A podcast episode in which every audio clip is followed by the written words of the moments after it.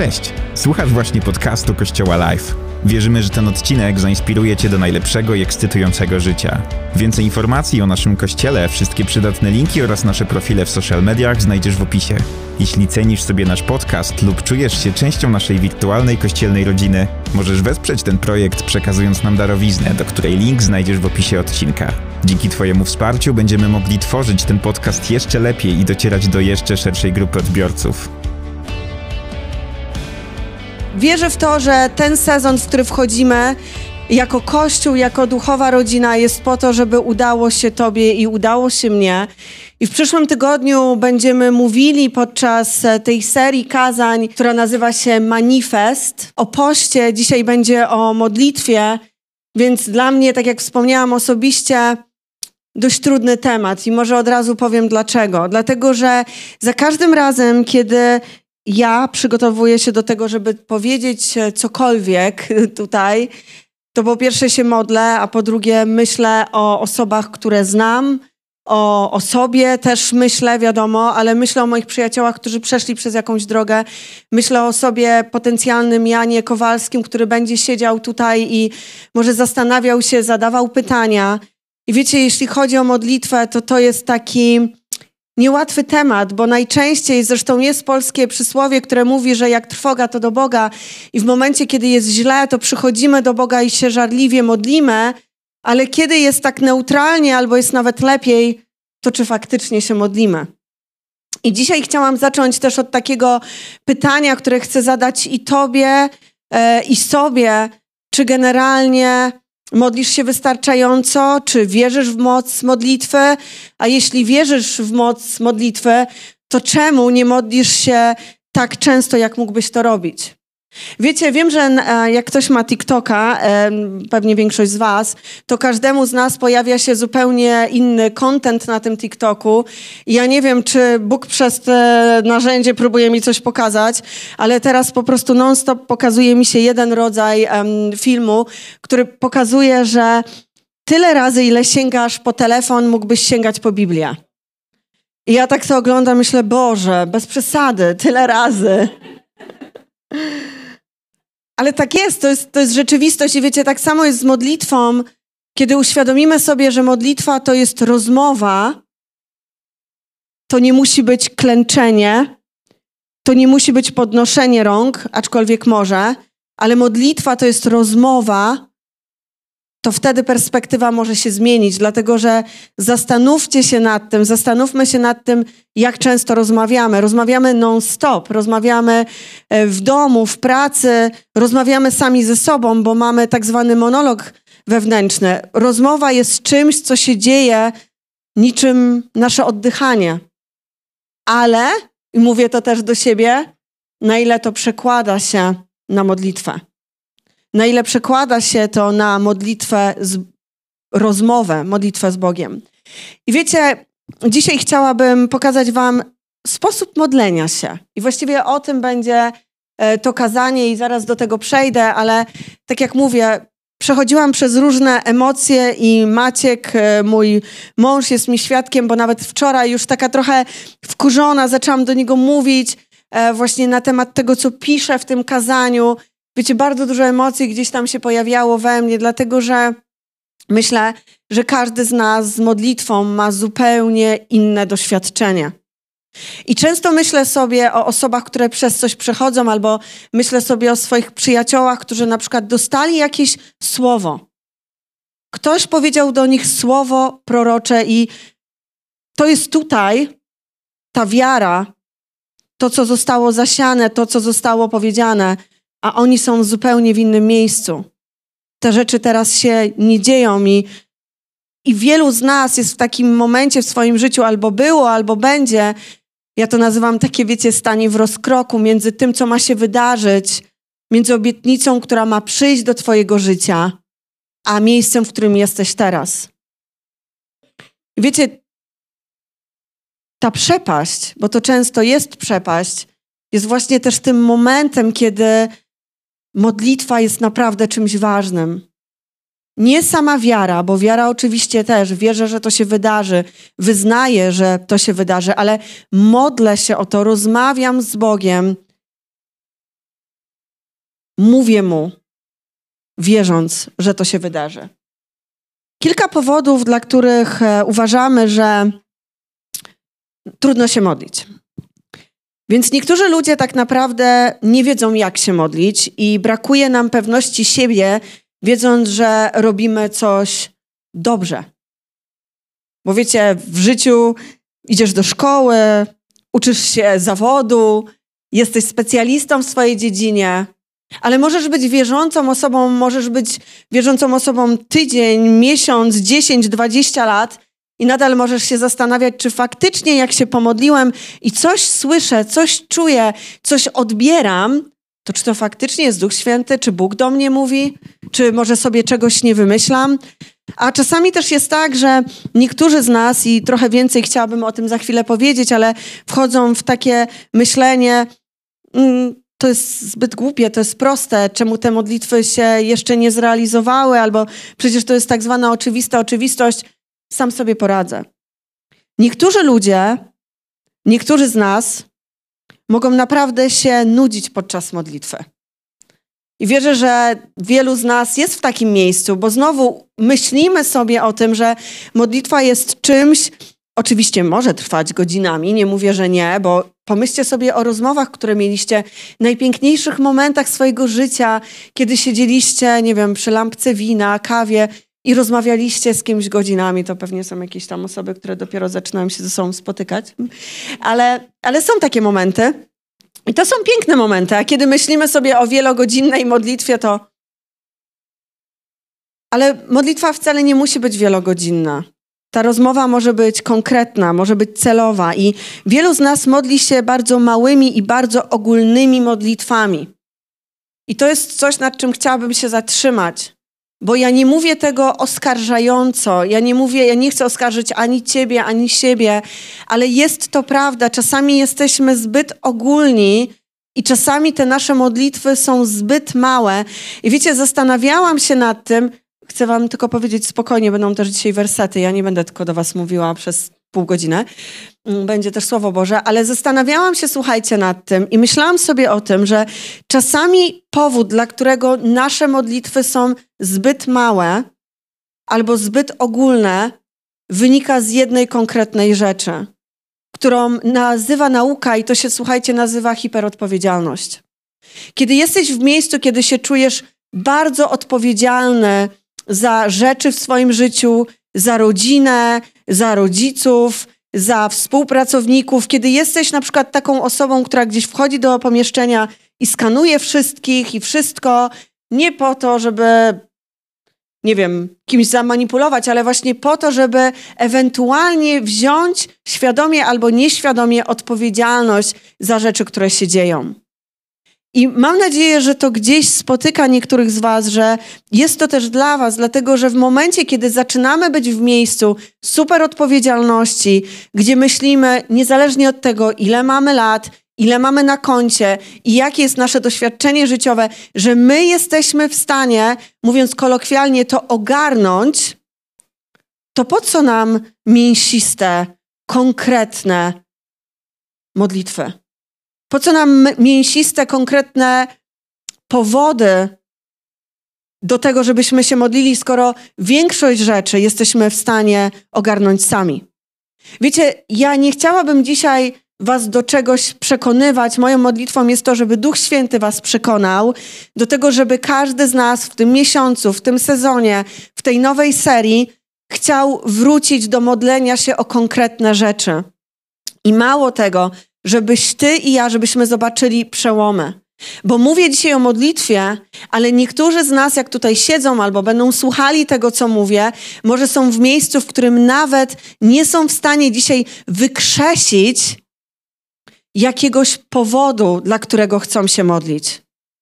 Bo jesteśmy zastani, bo jesteśmy ani ciepli, ani gorący, dajemy sobie radę z tym wszystkim, co się dzieje, czujemy się hiperodpowiedzialni, ciągniemy do wszystko, co się dzieje w naszym życiu, w naszej pracy, w naszej rodzinie, ale jednocześnie, kiedy przychodzi taki moment, kiedy sam przed sobą, sam przed Bogiem możesz zadać sobie pytanie, o co ja chcę się modlić.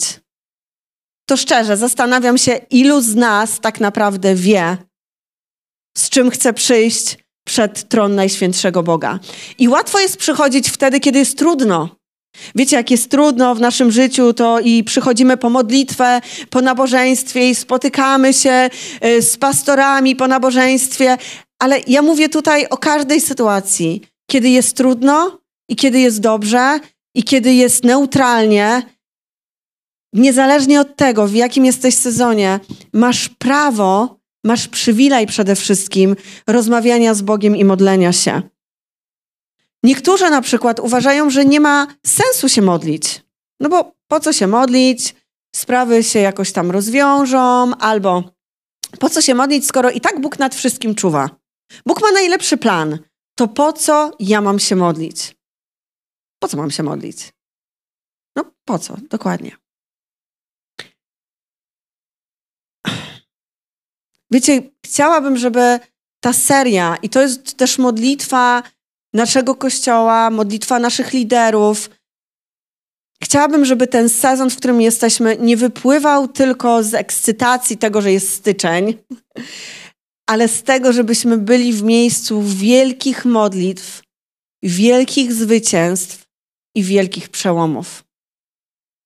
I za chwilę o tym powiem, ale wiecie, niektóre rzeczy, żeby zadziały się w Twoim życiu, zadziały się szybciej, zadziały się skuteczniej, no i żeby w ogóle się zadziały, to muszą się zadziać z mocą i muszą się zadziać ponadnaturalnie.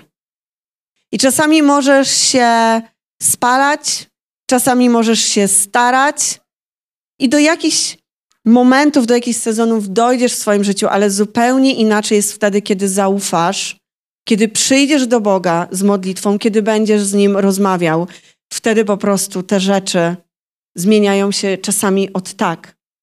I wiecie, mając rozmowę z moim mężem, bo mam trochę takie wrażenie, jakbym dawała wam taki raport z tego, o czym rozmawiałam wczoraj z Maćkiem. I mówię, no tak, no powiem im, Maciek, ja im powiem, że mają się modlić mniej ogólnie, że mają się modlić konkretnie, że mają się nie bać, że mają to, że, nie, że mają tamto, ale przecież są takie sytuacje w Biblii, wielokrotnie są takie sytuacje w Biblii, gdzie Jezus na przykład uzdrawia i my, czytając Słowo Boże, skupiamy się na tym uzdrowieniu. Ktoś dotknął się szaty, ktoś odzyskał wzrok, e, ktoś wstał z zmarłych. Mnóstwo jest historii, kiedy Jezus uzdrawia, ale są też sytuacje, o których bym powiedziała, trochę Biblia milczy, bo to nie jest tak, że jak Jezus szedł, to on uzdrawiał każdego. To nie jest tak, że jak każdy leżał w grobie, to Jezus szedł i robił, wiecie, tak, ostatnio gram dużo w Mario i tak wiecie, nie wiem, czy kojarzycie tę grę, ale tam jest taki moment, że takie gwiazdki lecą i Jezus tak chodzi i tak, wiecie, gwiazdkami sobie rzuca i każdy z grobu. Raz, dwa, trzy. Jezus, sorry, nie Mario, Jezus. E, ale Mario tam w grze, wiecie. E, mam nadzieję, że, że jeszcze jesteście ze mną. To nie jest tak. Słuchajcie, to nie jest tak. I to też nie jest tak, że jako osoby naiwne e, nie rozumiemy rzeczywistości. Rozumiemy rzeczywistość, ale skupiamy się też na tym, co jest ważne, skupiamy się na tym, co przynosi nam wiarę, skupiamy się na cudach, które Jezus zrobił, z wiarą, z nadzieją, w zaufaniu, że to będzie też Twoja i moja sytuacja. Wiecie, za każdym razem, kiedy się modlimy, jesteśmy o jedną modlitwę dalej. Wierzę w takiej realizacji tego, co Bóg dla ciebie przygotowywuje. Możesz się nie modlić, no ale to wtedy jakby jesteś cały czas w tym samym miejscu. Tak sobie czasami myślę, wiecie, co nam szkodzi? Ale to nie jest wystarczające, bo to, co nam szkodzi, wierzę, że może jest dobre dla osoby, która gdzieś przychodzi, która zaczyna, e, próbuje zaufać Bogu, oddaje mu pierwszy krok, drugi krok, ale wiecie, wierzę w to, że my mamy iść naprawdę w konkretnym celu, z konkretnymi, wielkimi prośbami, z wielkimi oczekiwaniami, dlatego że jesteśmy dziećmi Boga. Jest taki też jeden werset w Biblii, zaraz będą te wersety też do czytania, obiecuję, a który mówi o tym, że wiara bierze się ze słuchania. I to jest prawda. Czasami nie wiem, czy do końca zdajemy sobie z tego sprawę, że to, że dzielimy się tym, co Bóg zrobił w Twoim i moim życiu, w normalnej, codziennej konwersacji, na live grupie, przy kawie po kościele albo w niedzielę gdzieś na jakimś obiedzie, jest również tym, co będzie, wiecie, tak podtrzymywało bijące serce do tego, że okej, okay, chcę się cieszyć tym, co Bóg zrealizował w Twoim życiu, tym, czego dokonał, ale to daje mi dodatkową wiarę do tego, że Bóg jest w stanie zrobić też niemożliwe w moim życiu. Że jest w stanie zmienić tą rzeczywistość. Chciałabym niektóre myśli nam dzisiaj uporządkować i zaraz to zrobię. Um, I zanim przeczytamy sobie werset, bo będą aż dwa z listu do Efezjan, to chciałabym na początku troszeczkę powiedzieć więcej o miejscu, w którym ten list był pisany. E, będziemy zaraz się skupiali na liście, który napisał apostoł Paweł i pisał list do Efezu. I to jest e, list, w którym on się modli w swoich listach za kościoły. I on się tak naprawdę modli tak trochę w kółko, e, mówi o tym, że będzie się modlił, będzie mówił o co się modli, zaraz wam pokażę, ale ciekawe jest to, ja kiedyś się z mami tym dzieliłam i od tamtego czasu nie wróciłam jeszcze do Rzymu co wierzę, że mój mąż zrealizuje niebawem. Ale kiedy, wiecie, fajnie jest jechać do Rzymu i zobaczyć sobie i tam pójść na przykład też obok do Watykanu i sobie zobaczyć Koloseum, ale jest takie jedno miejsce, które wierzę, że wiele osób omija, bo nie wiem, czy wie, że ono istnieje, więc jak będziecie kiedyś w Rzymie, to najpierw nie na makaron, tylko tam. E, I słuchajcie, jest takie miejsce, które przez historyków jest uważane e, za to miejsce więzienia, w którym Paweł był przetrzymywany. I ja z Maćkiem udało nam się w tym miejscu być.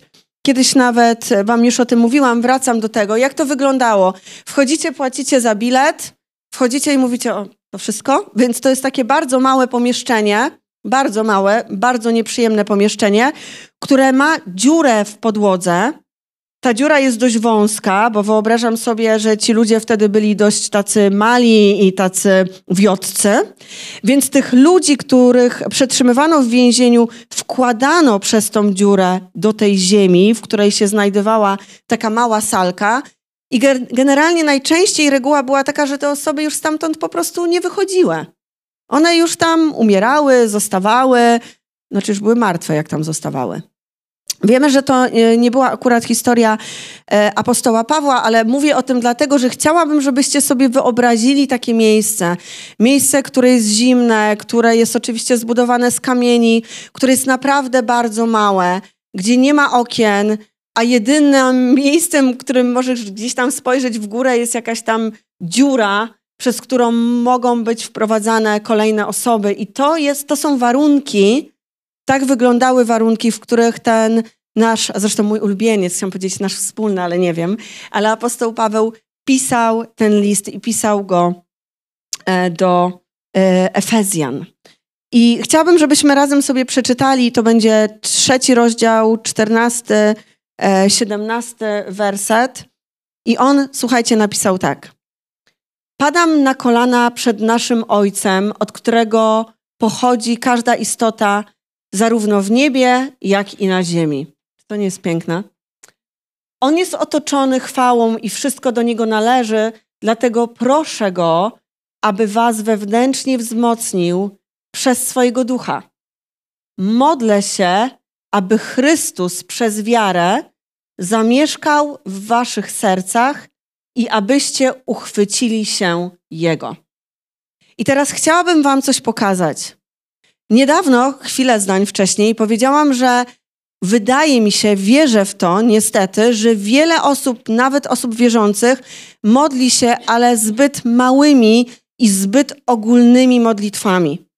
I powiedziałam wam na samym początku, że chciałabym wam pokazać jedną rzecz. Chciała, chciałabym wam pokazać, jak się modlić.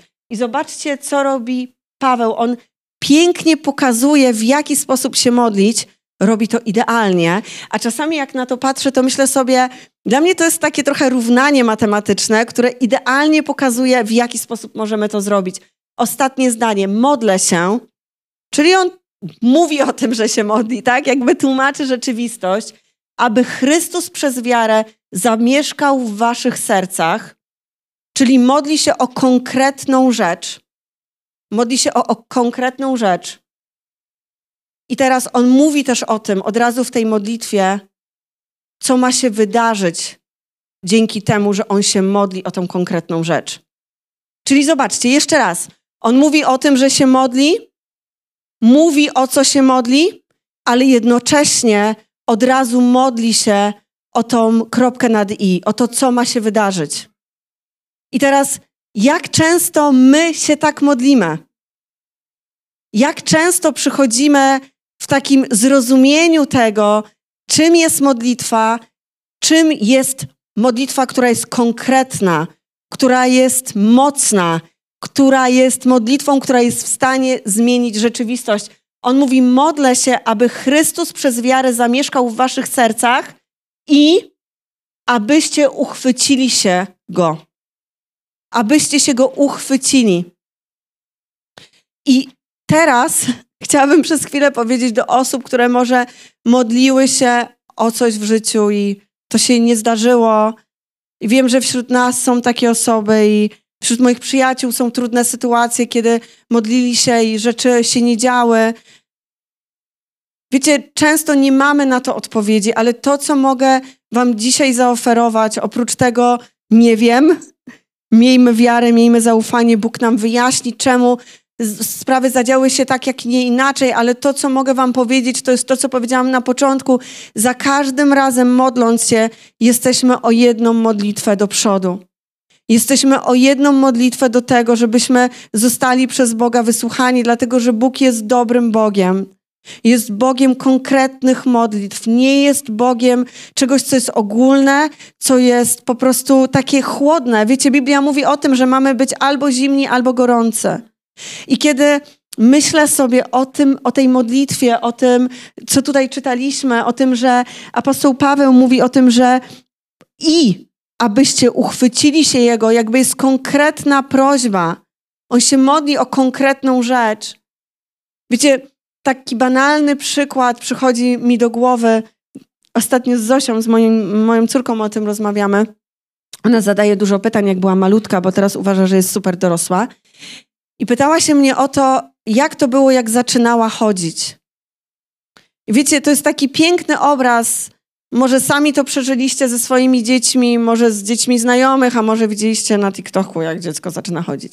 Ale wiecie, jeśli jesteś rodzicem, które, które czeka, widzi, że to dziecko się podnosi, kiedy ono idzie do ciebie, ty czekasz z otwartymi ramionami, ty jesteś podekscytowany, bo widzisz, że twoje dziecko wchodzi w kolejny nowy sezon. Nie będzie to sezon siedzenia, ale to będzie sezon chodzenia, kiedy nowe rzeczy zaczną dziać się w jego życiu. I jako zdrowy rodzic jesteś pełen ekscytacji, masz otwarte ręce i tak bardzo się cieszysz z tego, co się właśnie teraz wydarzyło, ale od razu jako rodzic wiesz, co będzie później. Wiesz, że będziesz musiał przykryć jakieś rogi, kanty, wiesz, że będzie trzeba kupić inne buty i tak dalej. Jakby masa różnych pięknych, wspaniałych rzeczy będzie się działa później, a potem schudniesz, bo będziesz biegać za dzieckiem, więc dużo się będzie działo. Ale jako rodzic jesteś podekscytowany, ponieważ twoje dziecko wchodzi w nowy sezon. I czemu tak ciągle o tym mówię? Dlatego, że wierzę, że to jest idealny obraz tego, kim jest Bóg dla ciebie i dla mnie w naszym życiu. Wierzę, że w momencie, kiedy wchodzimy w tą serię manifestu, kiedy zaczniemy manifestować, wierzyć w to, że uda się Tobie i mnie, tylko kolego, koleżanko, bracie, siostro, fajnie by było, jakbyś wiedział, w czym macie się udać. Wierzę, że Bóg stoi z takimi otwartymi rękoma i mówi: Wow, super, to jest kolejny wręcz poziom, to jest coś, co się zmienia w życiu mojego dziecka. Może tutaj się zmienia w ponadnaturalny sposób, ponieważ niektóre blokady zostają odblokowane, ponieważ moje dziecko zaczyna widzieć inaczej. Ponieważ moje dziecko zaczyna wierzyć w rzeczy, w które nie wierzyło do tej pory. Może moje dziecko jest w takim miejscu, gdzie przestanie brać te wszystkie odpowiedzialności na swoje ramiona i odda to mnie. I powie mi: modlę się o to, i to ma się stać. Jeśli dzisiaj Mój drogi Kościele, mamy z czymś wyjść, to wierzę, że chciałabym. I to jest modlitwa mojego serca, żebyśmy wyszli z konkretną modlitwą, żebyśmy wyszli z modlitwą, w której jesteś w stanie powiedzieć, że modlisz się o coś i chciałbyś i wyznajesz, że to i to się stanie. Wiecie, Sandra o tym wspomniała, Sandra i też na tym meetingu troszkę o tym rozmawialiśmy, że kiedy wchodzimy w styczeń, dość popularne, się mam wrażenie, że czasy się zmieniają, wiecie? Bo do niedawna wydaje mi się, że było tak, że ludzie kładli na siebie taką presję noworocznych postanowień. Teraz słyszę bardzo często, że ludzie mówią, że nic sobie nie postanawiają, bo się zmęczyli tymi postanowieniami, które im nie wychodziły, więc moim postanowieniem jest zero postanowień. Ja sobie myślę, okej, okay, to do zobaczenia w następnym roku. Ale wiecie, co jest kluczem? Wiecie, badania pokazują, że 98% osób, które sobie stawiają jakieś cele noworoczne, one ich nie realizują i najczęściej w lutym już o tym nie, nie pamiętają. Domyślam się, że teraz siłownie się znowu zapełnią, e, wiecie, cateringi pudełkowe się będą lepiej sprzedawały i tak dalej, bo jesteśmy w tym sezonie. No jedni będą w tym, co jeszcze walczą i wierzą, że będą w dwóch procentach, a inni już nic sobie nie postanawiają, bo już wiedzą, że to jest jedna wielka porażka. Ale ja wierzę, że jako osoby wierzące jesteśmy w tych dwóch procentach. Wiecie dlaczego? Dlatego, że żeby rzeczy, które sobie postanawiasz, zostały zrealizowane, one muszą się opierać na wartościach. To mówią badania. To jest proste jak cep. Okay. Czyli żeby coś się mogło się zrealizować w twoim życiu, żebyś miał wytrwałość, to to musi być zbudowane na wartościach. A czym są wartości? Wartości są tym, co ma dla ciebie wartość. Złote, co? I teraz ja uwielbiam i często mówię o tym, kiedyś mówiłam też o tym kazaniu, ale rozmawiam o tym z, tutaj z osobami u nas w kościele. Ja lubię sobie nazywać swój rok. I do tego też was zachęcam. Może dla niektórych z Was to będzie rok modlitwy, może to powinien być rok poznawania Boga, może to powinien być rok e, uzdro uzdrowienia, może to powinien być rok braku lęku, może to powinien być rok wiary, ale wiecie, nazwanie czegoś w konkretny sposób w oparciu o swoje wartości, a uwaga, dla mnie największą wartością i wierzę, że też dla Was największą wartością jest Bóg, to zmienia całą perspektywę. Jeśli ja będę pisała sobie listę jakichś tam postanowień albo listę nazw swojego 2024 roku bez oparcia o wartości, a uwaga, nawet jeśli powiem, że siebie super kocham, to i tak to nie jest wartość sama w sobie, dlatego że zupełnie jest inaczej w momencie, kiedy opieram swoją wartość, opieram swoje postanowienia, opieram swoją e, modlitwę na Bogu. Mam nadzieję, że powiecie amen. Dzięki. Dobra, teraz drugi werset, e, bo już tak wiecie. Dobra. E, więc tak. Więc Paweł pisał sobie w tym więzieniu, o którym wam mówiłam, modlił się i pisał te listy. I teraz będziemy mieli jeszcze jeden werset z tego samego rozdziału. I on powiedział tak.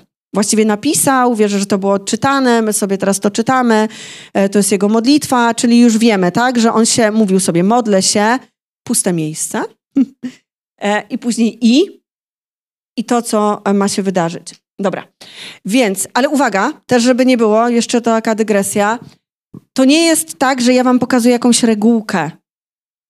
I teraz tak musicie, wiecie, e, po prostu robić, bo jak tak nie zrobicie, to złota rybka nie zrealizuje waszego życzenia. Nie.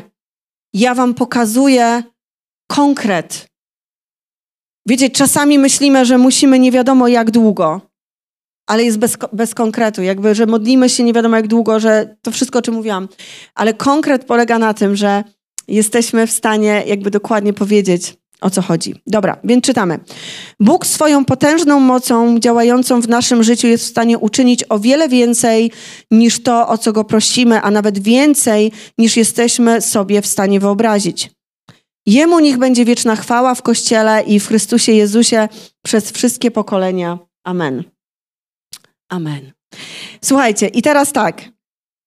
Jeszcze jedną rzecz chciałabym Wam e, wytłumaczyć, bo myślę sobie, że ta moc, o której on mówi, że potężną mocą działającą w naszym życiu, czasami mam wrażenie, że my nadużywamy, szczególnie w kościele, tej, tego używania, tej rozmowy o tym, tej mocy, bez do końca zrozumienia, czym ta moc jest.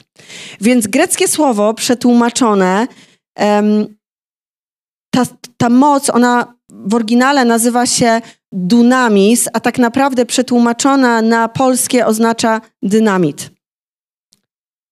I teraz to jest bardzo ważne, żebyśmy sobie uświadomili, że wiele rzeczy w naszym życiu wydarzy się dlatego, że my się modlimy z mocą i wierzymy, że dzięki tej mocy Bóg będzie zmieniał rzeczywistość że dzięki tej nadprzyrodzonej mocy, której nie jesteśmy w stanie uchwycić, której może czasami nie jesteśmy w stanie nazwać, której nie jesteśmy w stanie wypracować, to jest to, co Bóg robi w momencie, kiedy my się modlimy. Wróćmy na chwilę jeszcze do tego wersetu. Jest tam napisane, że Bóg swoją potężną mocą działającą w naszym życiu jest w stanie uczynić o wiele więcej niż to, o co go prosimy, a nawet więcej niż jesteśmy w stanie sobie wyobrazić. Jemu niech będzie wieczna chwała w Kościele i w Chrystusie Jezusie przez wszystkie pokolenia i tak dalej. I dobra. I teraz widzicie, czytając powiedziałam i tak dalej. Ale tam jest napisane przez wszystkie pokolenia. Wiecie, i to jest bardzo mocne, dlatego że Bóg w swojej mocy jest w stanie działać nie tylko w Twoim i w moim życiu, nie tylko w Twoim i moim życiu uda się Tobie i mnie, ale uda się następnym pokoleniom, które będą przychodziły po Tobie. I wiecie, kiedy jesteś rodzicem, wiem, że nie każdy jest, ale kiedy jesteś rodzicem, to módl się o to, żeby Twoje dziecko poznało Bożą moc. Wiecie, ten werset, o którym e, czytaliśmy wcześniej i Paweł się tak pięknie też modlił, on mówi, że modlił się o to, żeby Chrystus przez wiarę zamieszkał w naszych sercach i abyśmy uchwycili się Go. I to jest też modlitwa, którą warto się modlić, żebyśmy uchwycili się Chrystusa, żebyśmy przez tą niesamowitą moc poznawali Jego. Wiecie, chrześcijaństwo, kiedy my to rozumiemy, że Jezus działa w naszym życiu przez niesamowitą moc, która jest w stanie zmienić wszystko w ponadnaturalny sposób, naprawdę jesteśmy w stanie zmienić wszystko w naszym życiu i jesteśmy w stanie przestać być takimi chrześcijańskimi sierotami, które albo uderzają innych Biblią po, głową, po głowie, próbując tłumaczyć swoją rację, albo są w miejscu tego rozkroku, o którym mówiłam. Nie o to chodzi. Chodzi o to, żebyśmy rozumieli, że jesteśmy dziećmi niesamowitego Boga, który naprawdę uwielbia z nami rozmawiać.